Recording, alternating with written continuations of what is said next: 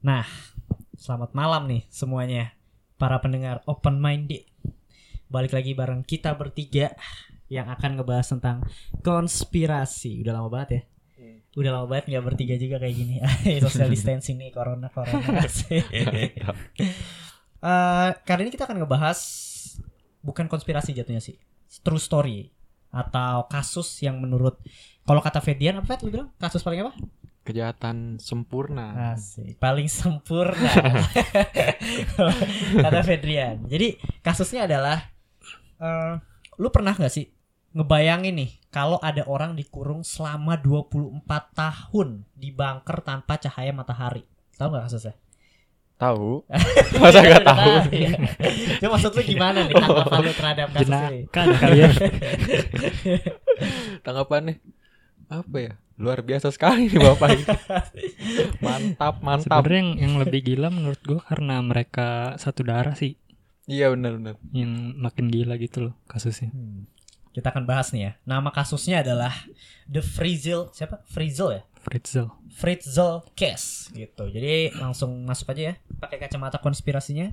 Tetap open minded. Balik lagi di podcast Opini Tengah Malam season 4.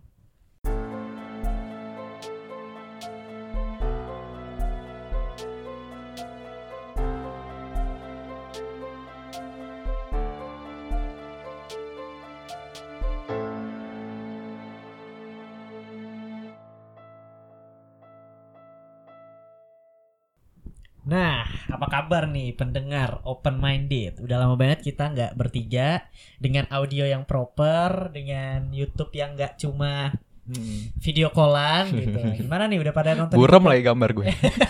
Oh iya. Buram Suka banget ya. suka nge-lag lagi ya. Nah, sekarang kita udah proper banget nih. Audionya baru Bim ya? Audio baru dong. Sebenarnya udah lama. Nih, nih apa enggak suara background eh background apa tuh? Oh Intronya. iya, In- intronya openingnya openingnya masih sama, Iya, tapi iya, nanti kita ada format baru nih, makanya kalian pasti bingung kenapa backsoundnya hilang. Karena nanti kita ada pembagian segmen gitu, jadi nggak bingung lah kapan segmen film, kapan segmen konspirasi, fakta, diskusi gitu. Jadi akan lebih enak banget. Ya mungkin mereka juga bisa kasih tahu kali. Misalnya mungkin ada perubahan yang kurang bagus Nah, bisa dikasih tahu kita. Iya bener benar-benar. banget. Nah, gue mau nanya nih, Fats. Sebelum masuk kan kita udah lama banget nih. Vakum sebulan. Apa kabar nih kalian berdua? Padahal sering nanya di chat nih. Masa basi dah. Enggak, lu ngapain aja selama sebulan ini nih? Sebelum kita vakum nih. Oke. Selama sebulan ini lu ngapain? Kalau gua gua lagi ngambil kelas online sih gua. Oh, Jadi lagi kelas sibuk online. kelas aja paling. Hmm, oke. Gimana Is? Kalau gua sejauh ini masih untungnya masih ada kerjaan freelance sih. Hmm. Jadi masih ada pemasukan lah. Hmm. Seenggaknya dikit-dikit. Ya, sama sih gua. Tapi gua baru saja berhenti. Jadi gua harus job hunter lagi. Lagi susah lagi ya nyari kerja ya. Iya benar. Lagi di musim-musim corona gini. Parah, parah. Dan jangan lupa ya, kita kemarin ada episode di Dark Series di Cinecrip dan di podcastnya Opini Tengah Malam tentunya. Kalau di podcast itu tanpa cut di Cinecrip cuma sejam, di podcast bisa dua jam dan ada teorinya juga. Ini buat kalian yang belum atau nggak ngerti tentang Dark Series bisa langsung ya. Terus, nah YouTube-nya Opini Tengah Malam jangan lupa di subscribe karena Subret. subret jangan lupa di subret karena berapa ya sekitar kurang 100an lagi ya Iya nih. dan dan iya dan seribu tuh terus Twitter IG jangan lupa follow dan jangan lupa kunjungi Thanks Geeks is Friday kalau mau kaos-kaos tentang film atau konspirasi Pop bisa langsung culture lah. pop culture Hmm. terus ada British tadi aksen Oh, gue. Maklum. jadi kayak yang buang apa itu Oke sebelum masuk ke kasusnya kita akan masuk ke segmen film dulu nih jadi ini tuh sampai kasus ini ter- sampai terinspirasi eh, dibuat filmnya nah penasaran kan jadi langsung aja kita masuk segmen film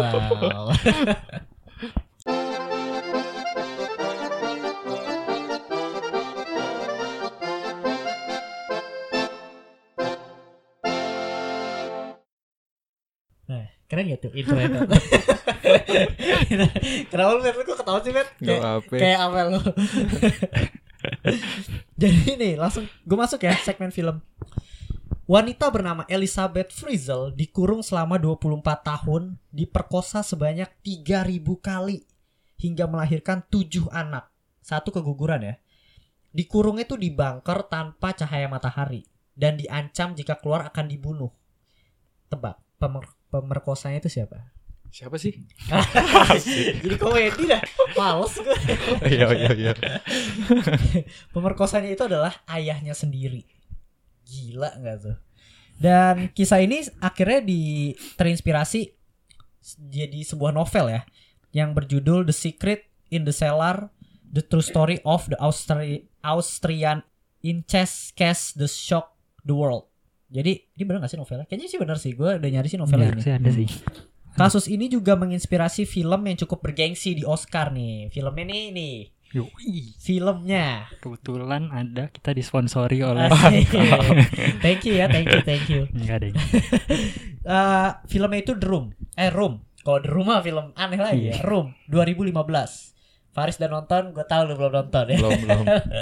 Bisa ceritain apaan nih? Oke, jadi film Room ini disutra, disutradarai oleh Lenny Abrahamson. Pemainnya itu Brie Larson. Kalau kalian yang belum tahu tuh yang main Captain Am eh, Captain Marvel. Marvel, dan Jacob Tremblay. Film ini masuk nominasi Oscar dan Brie Larson di sini menang menjadi Best Actress gitu. Jadi film ini bagus banget dan mungkin langsung Faris nih ceritain sinopsisnya. Ya sinopsisnya kurang lebih eh, wanita yang diculik terus dikurung di basementnya. Tapi bedanya dengan kisah aslinya itu kalau yang di film Room ini dia diculik sama stranger kalau nggak salah ya. Iya. Jadi sama orang nggak dikenal aja sama cowok cowok nggak dikenal gitu. Terus sama kasusnya di apa ya di diperkosa sih jatuhnya dan Diperkosa. punya anak satu tapi kalau di sini. Dia tapi kalau di sini juga bunkernya cuma satu ruangan doang ya. nggak bisa ke mana-mana dia. Kayak Hmm. tempat tidur, dapur sama sama mandi tuh kayak di satu ruangan doang. Tapi kalau yang di as kisah nyatanya kan sampai kayak ada petanya Iya, gitu ya. Nah itu bedanya gitu. Dan di sini kalau filmnya sendiri sih gue suka banget. Dan kalian kalau yang belum nonton tuh wajib banget nonton karena sangat emosional dan bisa kelihatan banget nih chemistry dari Brie Larson sama si Jacob Tremblay-nya ini menurut gue sangat-sangat bagus sih. Dan anak kecil ini loh, si Jacobnya ini mencuri perhatian banget actingnya.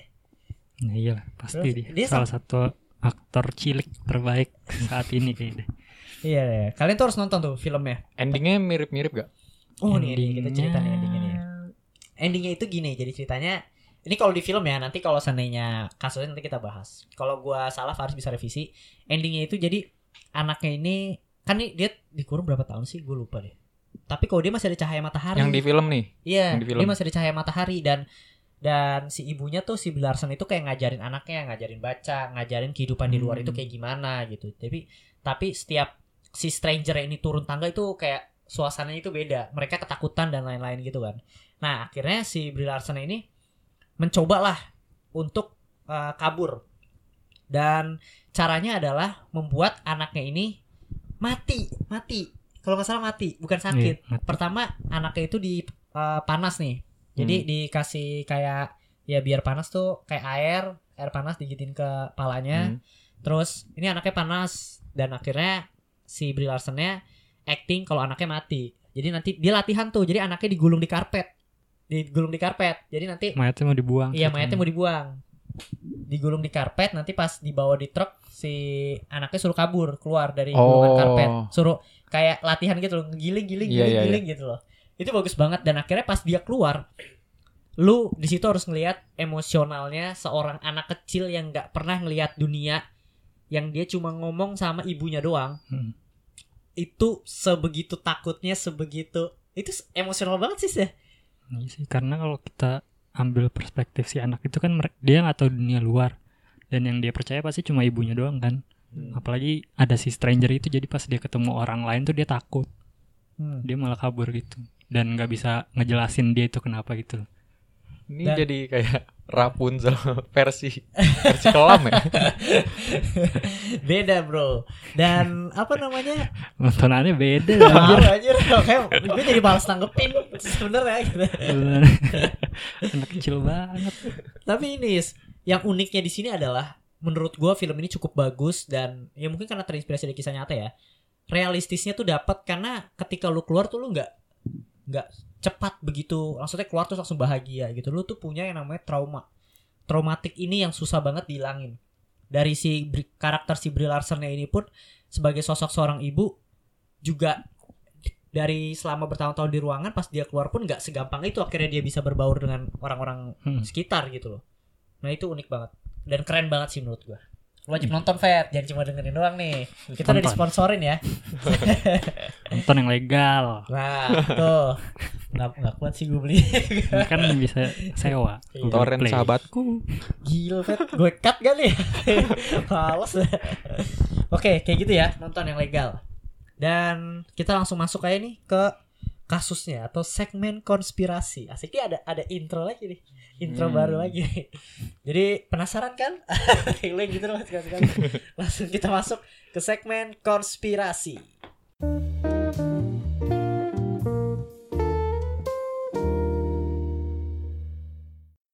Oke, jadi kita masuk ke segmen konspirasi. Bukan konspirasi aja sih, lebih tepatnya kali ini konspirasi kan kalau konspirasi hal-hal yang tabu ya. Lebih tepatnya ini kisah nyata sih. Kita bahas kasusnya, kronologinya dan sampai Elizabeth ini bisa kabur karena ini happy ending. Jujur nih happy ending, gue cukup seneng juga ngedenger berakhirnya kasus ini. Dan langsung aja Fedian bisa bacain Fed Lu baca sampai hilangnya kasus Elizabeth Frizzle Jadi langsung aja nih ini datang dari Austria di mana seorang gadis bernama Elizabeth Fritzl mengalami mimpi buruk yang disebabkan oleh perbuatan keji ayahnya sendiri. Jadi Elizabeth Fritzl itu disekap di ruang bawah tanah selama 24 tahun dan diperkosa lebih dari 3000 kali sampai melahirkan 7 orang anak. Ini sempet di Twitter ada yang nanya Dia emang ngitungin 3000 kali Tapi kayaknya menurut gue sih analogi sih. Kalau 3000 kali tadi lu hitung-hitungannya sehari berapa Fed? Sehari tiga kali. Berarti dari 400 percobaan Gila ya hamil sekali. Anjir, tapi gimana ya? Tiga kali, misalnya tiga kali sehari, bapaknya nggak ada kerjaan lain apa ya? Tapi maksud gue aduh Dia yang asuh sendiri Anak itu sendiri yang dia asuh gitu loh. Lanjut Fed Jadi ini kisahnya bermulai pada 28 Agustus 1984. Saat Elizabeth yang saat itu berusia 18 tahun, tiba-tiba saja menghilang dari rumah ibunya. Ibunya Rosemary namanya Membuat laporan kehilangan pada kepolisian setempat, lalu tiba-tiba sebuah surat datang dari Elizabeth. Dalam surat itu ia menyatakan bahwa dirinya sudah bosan dengan kehidupan keluarganya dan memutuskan untuk melarikan diri atau ikut sekte. Ayah Elizabeth, Joseph Fritzl, mengatakan kepada polisi yang datang ke rumah mereka bahwa ia tidak tahu ke mana Elizabeth pergi. Ia juga menduga bahwa Elizabeth telah bergabung dengan sek- sebuah sekte keagamaan. Oke, jadi tuh si Elizabeth nih pertama kali hilang itu di umur 18 tahun ya. Dan ibunya nih si Rosemary ini akhirnya dia melapor ke polisi setempat karena kok Elizabeth nggak balik-balik gitu. Dan gak lamaan polisi akhirnya menjadikan Elizabeth ah, apa ya namanya orang hilang ya kalau Mm-mm. bisa disebut ya. Dan Elizabeth akhirnya mengirim sebuah surat. Suratnya itu mengatakan bahwa dia nggak mau balik lagi ke keluarganya karena dia merasa bosan, dia merasa eh, Pengen mandiri. pengen mandiri gitu dan dia udah berada di tempat yang udah cukup enak buat dia yaitu dia kayak ikut sekte keagamaan. Sebenarnya ini menjadi suatu kejanggalan karena sahabatnya sendiri itu pun kaget dengan keputusan Elizabeth. Karena saat menurut sahabatnya itu Elizabeth ini orang yang nggak kayak gitu sama keluarganya Hmm. dan dia merasa ini aneh aja Elizabeth akhirnya memutuskan untuk hal itu. Cuma mungkin keluarganya ya udahlah karena Elizabeth udah umur 18 tahun itu udah menjadi keputusannya dia eh, biar maksudnya menjalani hidup sendiri Hmm. gitu loh. Jadi keluarganya pun nggak nyariin karena dia merasa Elizabeth yang penting udah udah aman gitu. loh. Kayak gitu. Cuma itu adalah versi uh, ya udah dia ngilang aja. Tapi di balik itu ternyata dia tuh nggak nggak ikut sekte keagamaan. Tapi dia dikurung di bunker selama 24 tahun gitu. Oke langsung aja nih ya. Kita masuk ke kasus sesungguhnya. Ternyata nih si Joseph Frizzle ini pertama kali melakukan pelecehan terhadap Elizabeth itu pada tahun 1977 saat itu Elizabeth masih berumur 11 tahun. Gila gak sih bapaknya 11 tahun anjing. 11 tahun anjir. Kayak maksud gua ya apa yang lu rasain? Berarti ya gak sih gua pedofil jatuhnya kan. Terus pada 24 Agustus 1984 nih sebelum Elizabeth menghilang Joseph ini meminta bantuan kepada Elizabeth di ruang buah tanah. Saat itu eh, untuk kalau nggak salah ya benerin pintu atau apa gitu. Nah karena Elizabeth ya bantuin orang tua lah. Akhirnya turun ke bawah pas dia masuk ke ruang buah tanahnya dipukul sama bapaknya dan disekap atau dibius gitu loh. Dan setelah itu dia udah nggak pernah lagi ngelihat kehidupan di luar dan dia terjebak selama 24 tahun di bunker yang diciptakan oleh bapaknya sendiri. Tanpa cahaya matahari harus diingat itu ya. Elizabeth selama di sana diperkosa dibius dipukuli diborgol. Ini, ini, ini unik banget ini disuruh menonton video dewasa untuk dipraktekkan hingga akhirnya Elizabeth hamil. Dan saat melahirkan pun ya Elizabeth nih gak dibawa ke dokter cuy. Sama bapaknya tuh cuma dikasih buku. Nih lu melahirkan sendiri. Baca bukunya dan lu coba sendirilah. Dia akhirnya berhasil tuh melahirkan tujuh orang anak dan satunya meninggal karena nggak kuat sama kondisi di bunker. Kalau nggak salah umurnya 33 jam. Nah menurut lu gimana nih? Sejauh ini sebelum kita masuk ke uh, pembahasan berikutnya. Jadi bapaknya itu tinggal sendiri sama Elizabeth ya. No. Enggak.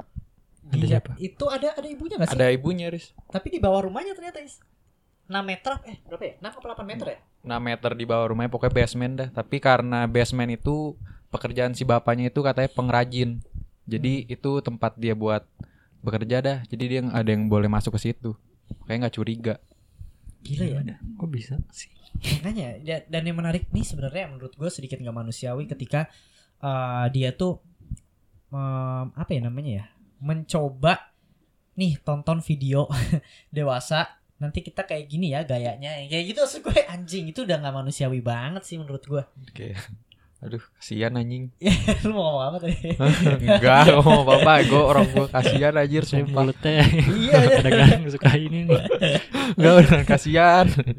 Tapi ya benar maksud gua itu benar-benar cukup nggak manusiawi dan katanya sih si Elizabeth ketika bapaknya turun tuh dak dikduk banget gitu mungkin yang jadi pertanyaan kenapa dia nggak mencoba kabur ya kan hmm. tapi kayaknya menurut gua bapaknya tuh udah mengakses sedemikian rupa ya karena bunkernya pun bukan bunker biasa ya jadi bunkernya itu ada kamar mandi ada dapur dan ada satu ruang kedap suara Hmm. nanti gua kasih petanya deh kalau di YouTube Bunker itu berarti misah dari rumahnya. ya? di bawah di bawahnya kayak di basement doang gitu Riz Nggak Tapi- kedengeran ya?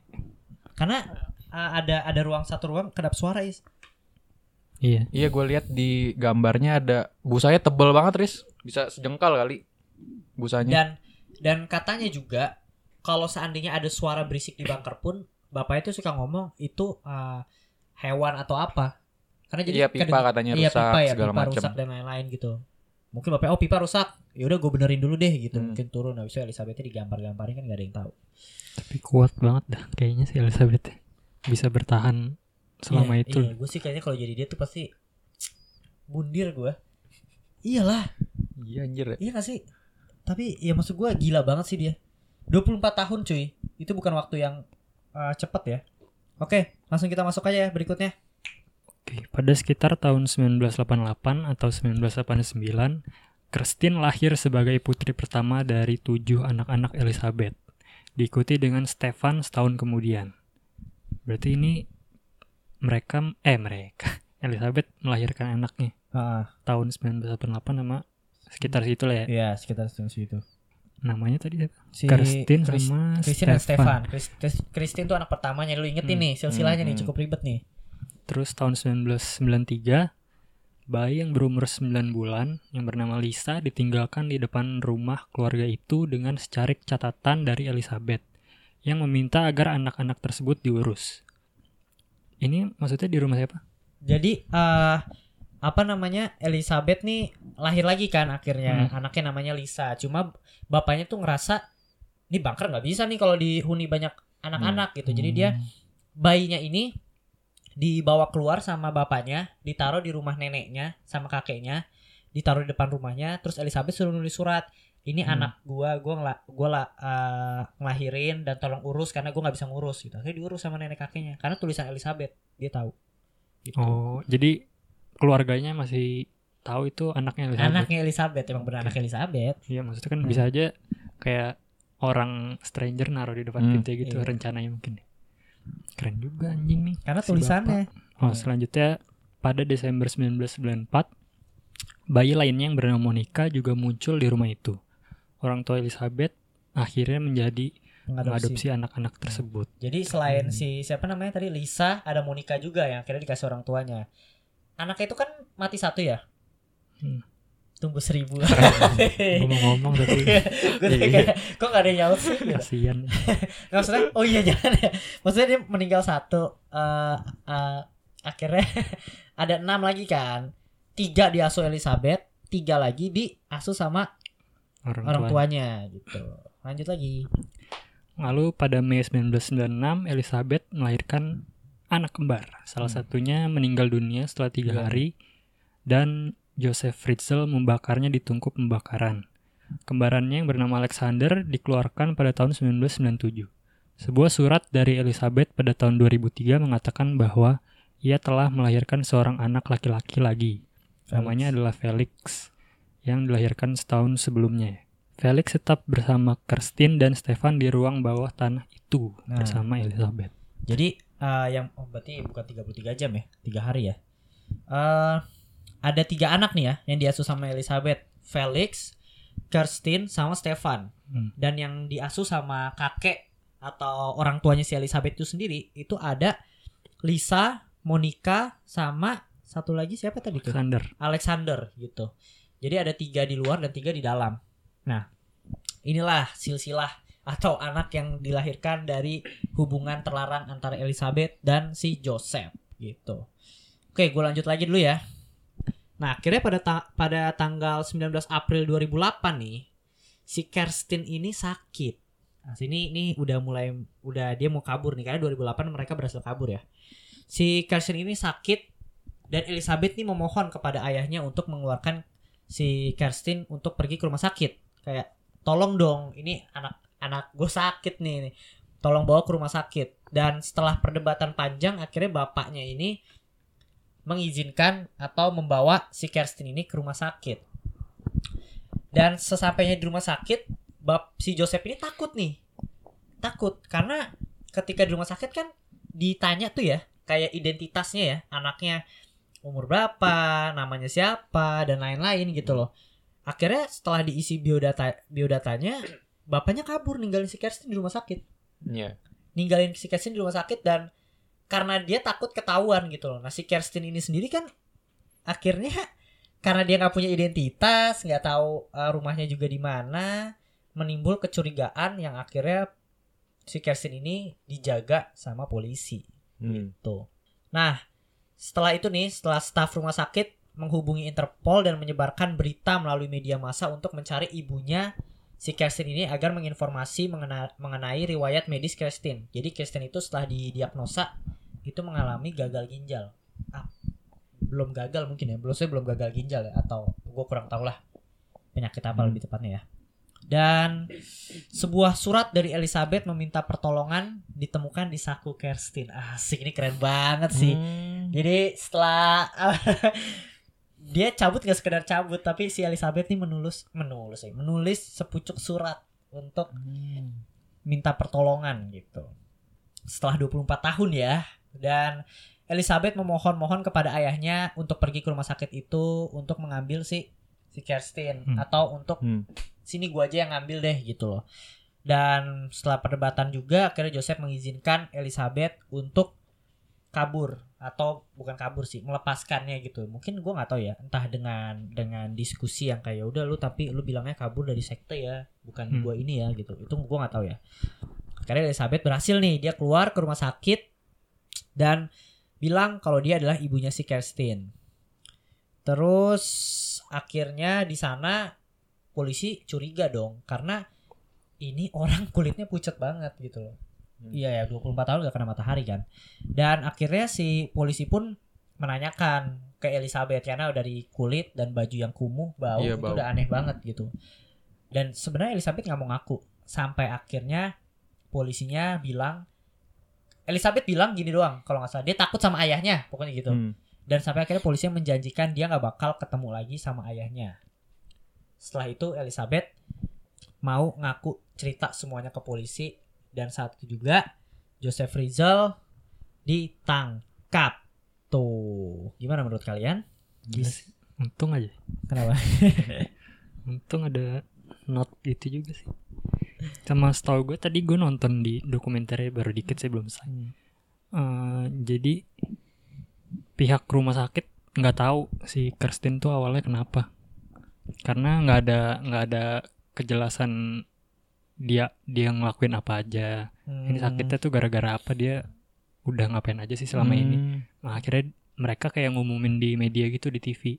Hmm. Kayak eh, kita mencari ibunya untuk datang ke rumah sakit buat jelasin kronologinya gitu loh. Karena mereka nggak tahu nih anaknya kenapa. Terus udah sekarat juga katanya. Hmm.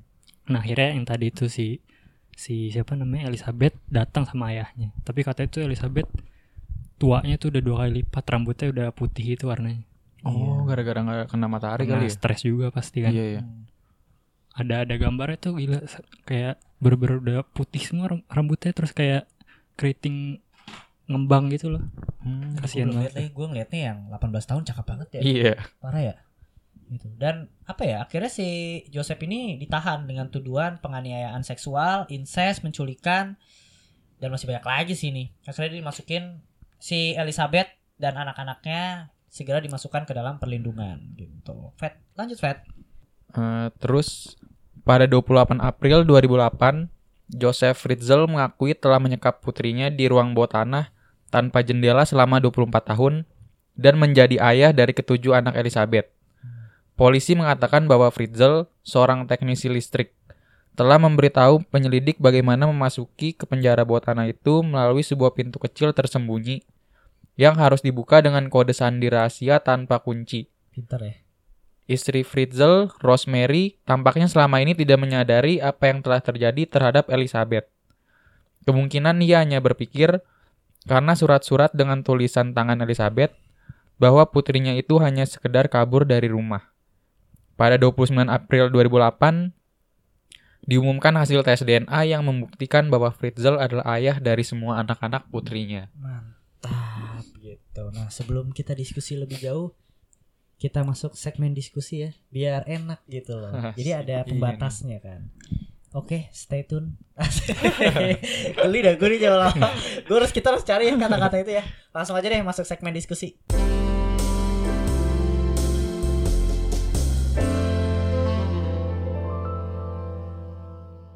Nah, jadi itulah kasus-kasusnya, film-filmnya dan kita akan diskusi memberikan opini-opini liar kita di malam hari ini bertiga. Dan menurut lu gimana tadi? Selama kasus ini nih. Tadi akhirnya kan udah di tes DNA tuh ya. Hmm. Kalau si si siapa namanya? Joseph ini adalah an- bapak dari ketujuh anaknya si Elizabeth itu. Gitu. Dan sebenarnya gue ada fakta tambahan sih.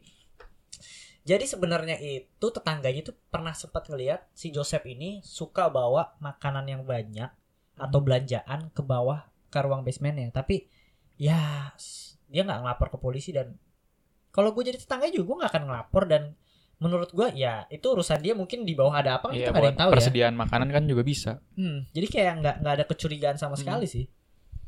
Sebenarnya karena nggak ada kecurigaan ini karena itu ayahnya sendiri ya, Go. Jadinya mana mungkin gitu loh. Pas pertama kali gua tahu kasus ini juga kayak anjing. Kasihan banget saya sendiri anjir. Gara-gara surat itu juga sih Iya. yang konfirmasi Elizabeth keputusannya dia untuk pergi gitu loh jadi case-nya selesai. Jadi nyatakan join ke sekte aja. Gue juga ada fakta lain nih. Gue ada fakta tambahan nih ya. Jadi tuh anak-anaknya juga disiksa cuy. Ternyata. Tahu nggak anak-anaknya disiksa gimana? Jadi si Joseph ini suka bawa foto-foto uh, dari luar, Heeh. terus dikasih ke anaknya kayak nih, nih pohon, nih Anjing. nih. Gitu. gue nggak tahu sih itu termasuk siksaan atau enggak ya. Tapi uh, ada yang bilang tuh kayak itu tuh menurut menurut orang-orang atau menurut apa namanya psikologi orang yang belajar psikologi atau psikiater itu tuh cukup menyiksa batin seorang anak gitu loh karena dia tersiksa di bawah dia tahu kehidupan di luar kayak gini dia tuh merasa anjir kapan ya gue bisa ke sana ya gitu loh Iya bener. Iya gak sih tapi gue juga bingung deh menurut lu Joseph ini berencana menahan Elizabeth itu sampai kapan sih? Apa dia akan membunuh tiga orang anak itu yang hidup di bawah? Ya nggak sih? Kan kalau misalnya Elizabeth sampai tua atau ini kan Joseph yang meninggal atau apa kan dia nggak- dia akan terkurung selama di basement. Ya Lu kepikiran gak sama akan hal itu? Ya emang udah sih. stres ya gua. iya yang penting mah Udah dia, yang penting dia, dia puas, puas. anjir. Gila, Iya, sih. Dan yang tadi tuh yang Ferdian bilang eh, ruangnya itu kan bunkernya kedap ya. Hmm. Yang mereka tuh mencoba teriak bareng pun nggak bisa juga. Dan karena emang si Josephnya itu suka bilang itu apa kata tadi? Apa? Pipa ya? Iya pipanya rusak gitu jadi eh, nggak usah suara-suara apa? Eh apa deh? Sambil baca. Ngomong apa sih? Gue juga bingung ngomong apa. Ya pokoknya. ya apa? kayak, kayak puyuh dah lu. Ya, gue sambil baca tadi. Salah satu Jadi ini gue jadi bingung. percobaan yang mantap, mantap, mantap. Pokoknya pipanya bermasalah Iya gitu benar. dia bilang ke tetangganya. Tapi keren ya. Maksudnya tadi pas lu baca juga keren kan bapaknya itu membuat bunker itu dengan kode-kode unik atau sama kayak di film sebenarnya kayak di room ya. Kode-kode atau cara bukanya itu ribet sampai akhirnya Elizabeth tuh atau nggak bisa nggak bisa keluar lah gitu. Menurut gue emang ini salah satu yang udah direncanakan bertahun-tahun Hmm. mungkin ya. Dan Elizabeth diperkosa juga di umur masih muda dan mungkin itulah pemicu akhirnya bapaknya kayaknya wah ini nanti nih umur 18 sih ya. Bibit nih. Gila nih orangnya. Tapi gue yang dokumenter tadi di dibilangin gitu sih Joseph sebenarnya kalau di luar itu di lingkungan di orangnya tuh di dipandangnya tuh dihargai itu Baik. iya dihargai kayak kayak akrab gitu loh lo lewat misalnya pasti disapa Hai Joseph gitu gitulah tapi Hmm. katanya pas dia di rumah tuh semua kayak berubah gitu loh kayak jadi ngatur-ngatur terus suka keras gitu sama anaknya katanya Iya. gila sih Dan ini unik juga sih nih. Ini orang menurut gue definisi anak dajal sih. Karena pas udah ketahuan pun dia nggak mau ngaku awalnya.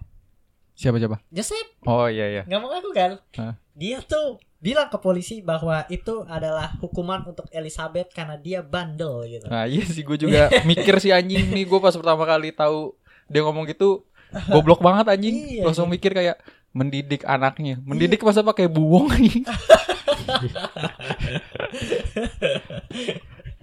goblok banget dah Bener-bener maksudnya katanya itu Elizabeth biar mendidik anaknya, biar dia taat dan lain-lain tuh sangat-sangat nggak make sense. Akhirnya benar ditolak mentah-mentah lah. Kalau menurut gue, ini menurut gue orang ini menurut akal sehatnya udah nggak ada sih sama sekali nih si Iya. Joseph ini. Dia dihukum seumur hidup ya. By the way, gue nggak tahu dia sih sampai sekarang masih hidup apa enggak ya.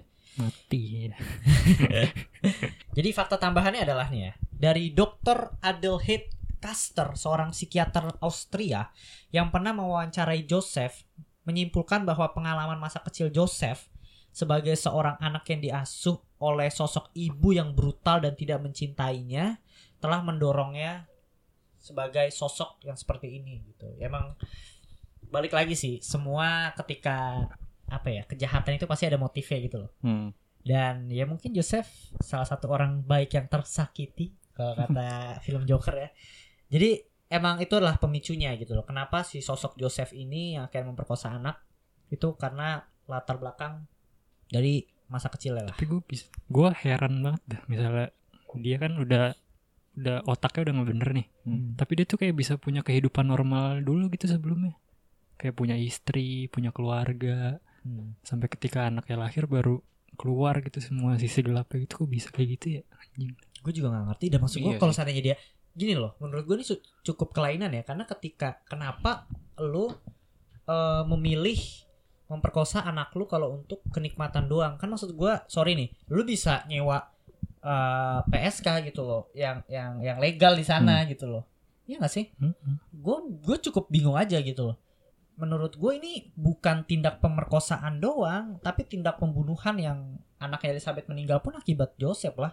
Bakar anjing ditungku itu pas dia meninggal ya. Kita tetap aja iya anjir sih ya. itu maksud gue itu, itu itu pun udah gak wajar kan. Dikubur juga bisa gitu loh. Tapi kan maksudnya kalau di sana kremasi masih iya sih. ad- ada tapi gue gak tahu ya pikirannya lah. Joseph membakar itu untuk kremasi atau emang untuk Iya. menyembunyikan ya. Dua-duanya.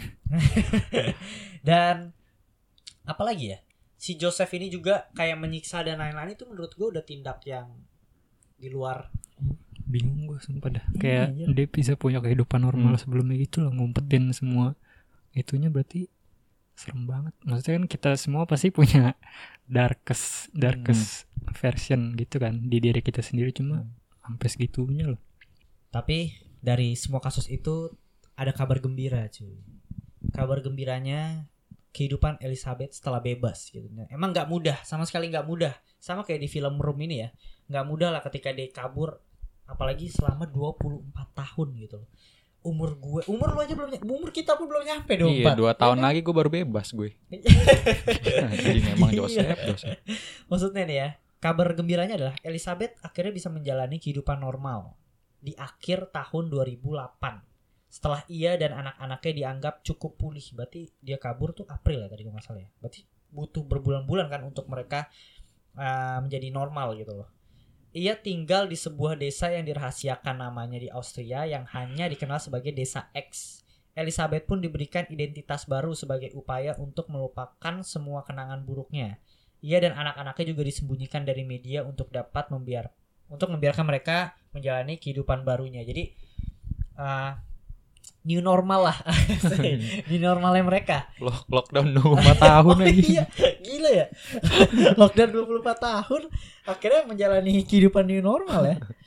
Akhirnya mereka uh, hidup normal di sebuah desa dan kabar gembira lagi adalah gue lupa ya ini tahun berapa tepatnya tapi Joseph eh Joseph lagi siapa Elizabeth sudah menemukan cinta sejatinya yaitu cinta sejatinya uh, apa ya ibaratnya penjaganya ya penjaganya atau mungkin bukan bodyguard sih sebutannya.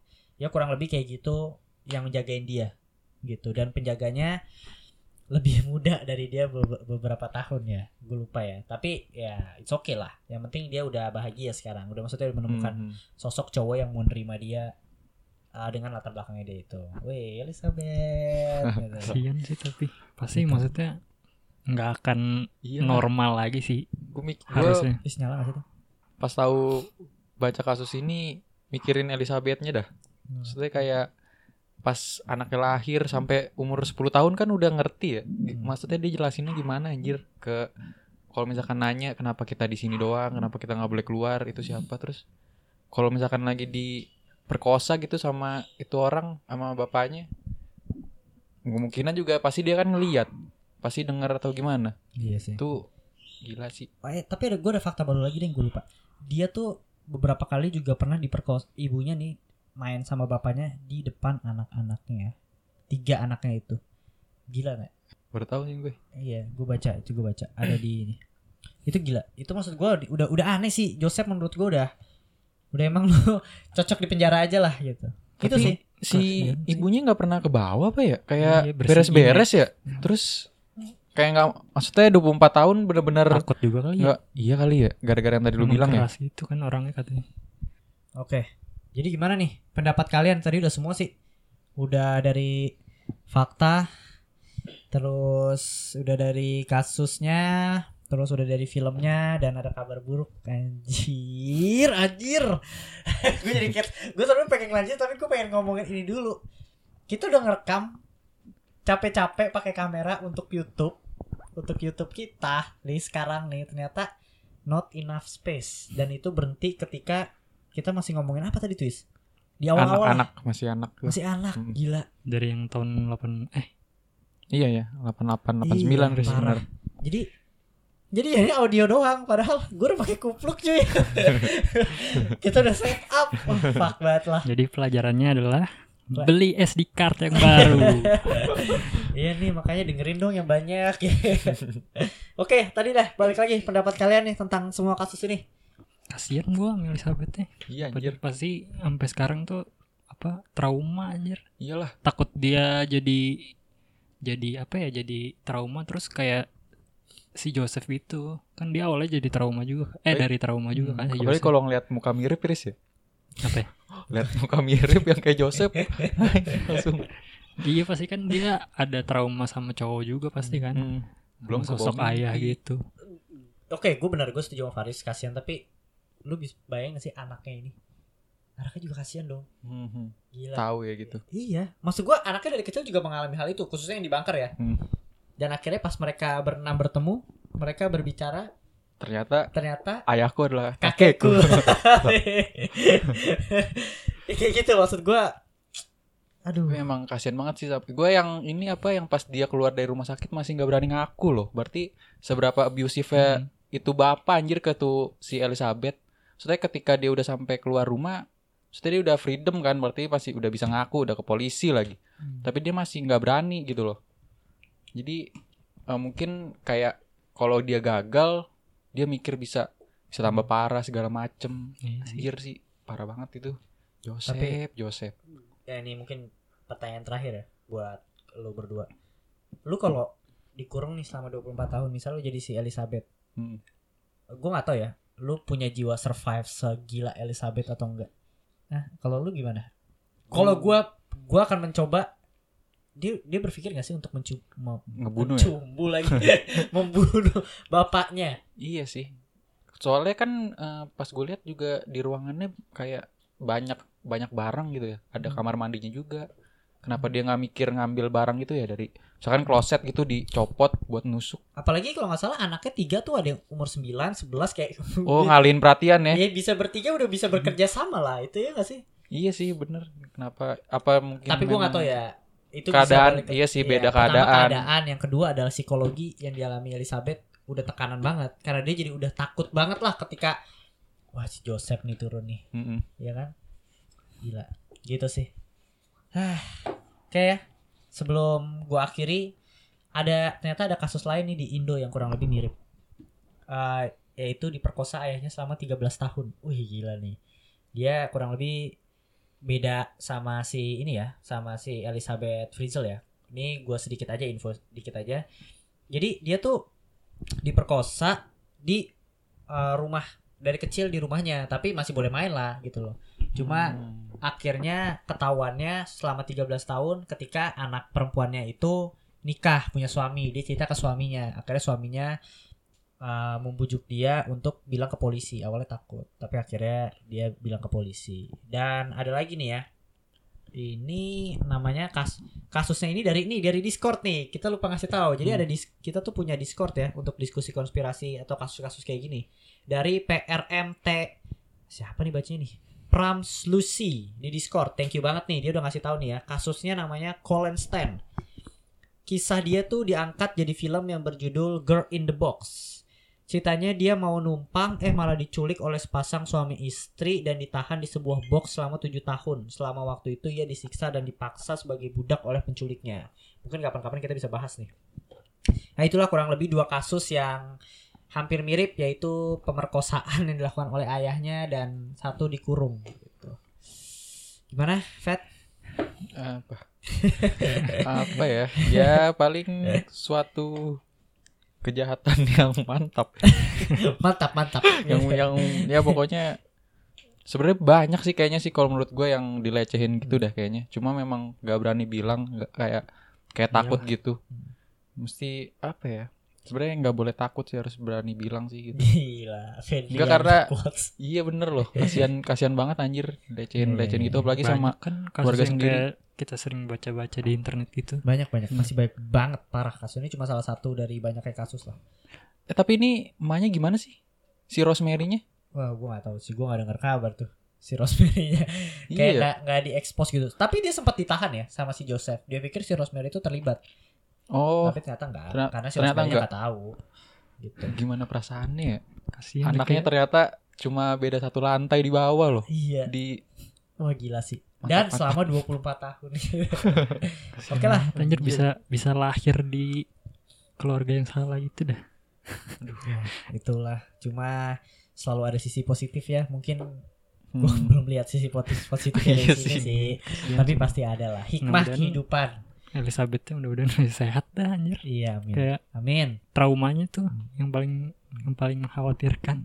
Semoga Hmm. Elizabeth dengerin podcast inilah. Asik. Oke, gitu aja lah dari podcast opini tengah malam ya untuk episode kali ini dan kita akan balik lagi tentunya selama dan parah YouTube-nya nggak ada untuk yang ini ya. Iya, Tapi- Sia-sia nih Blu-ray.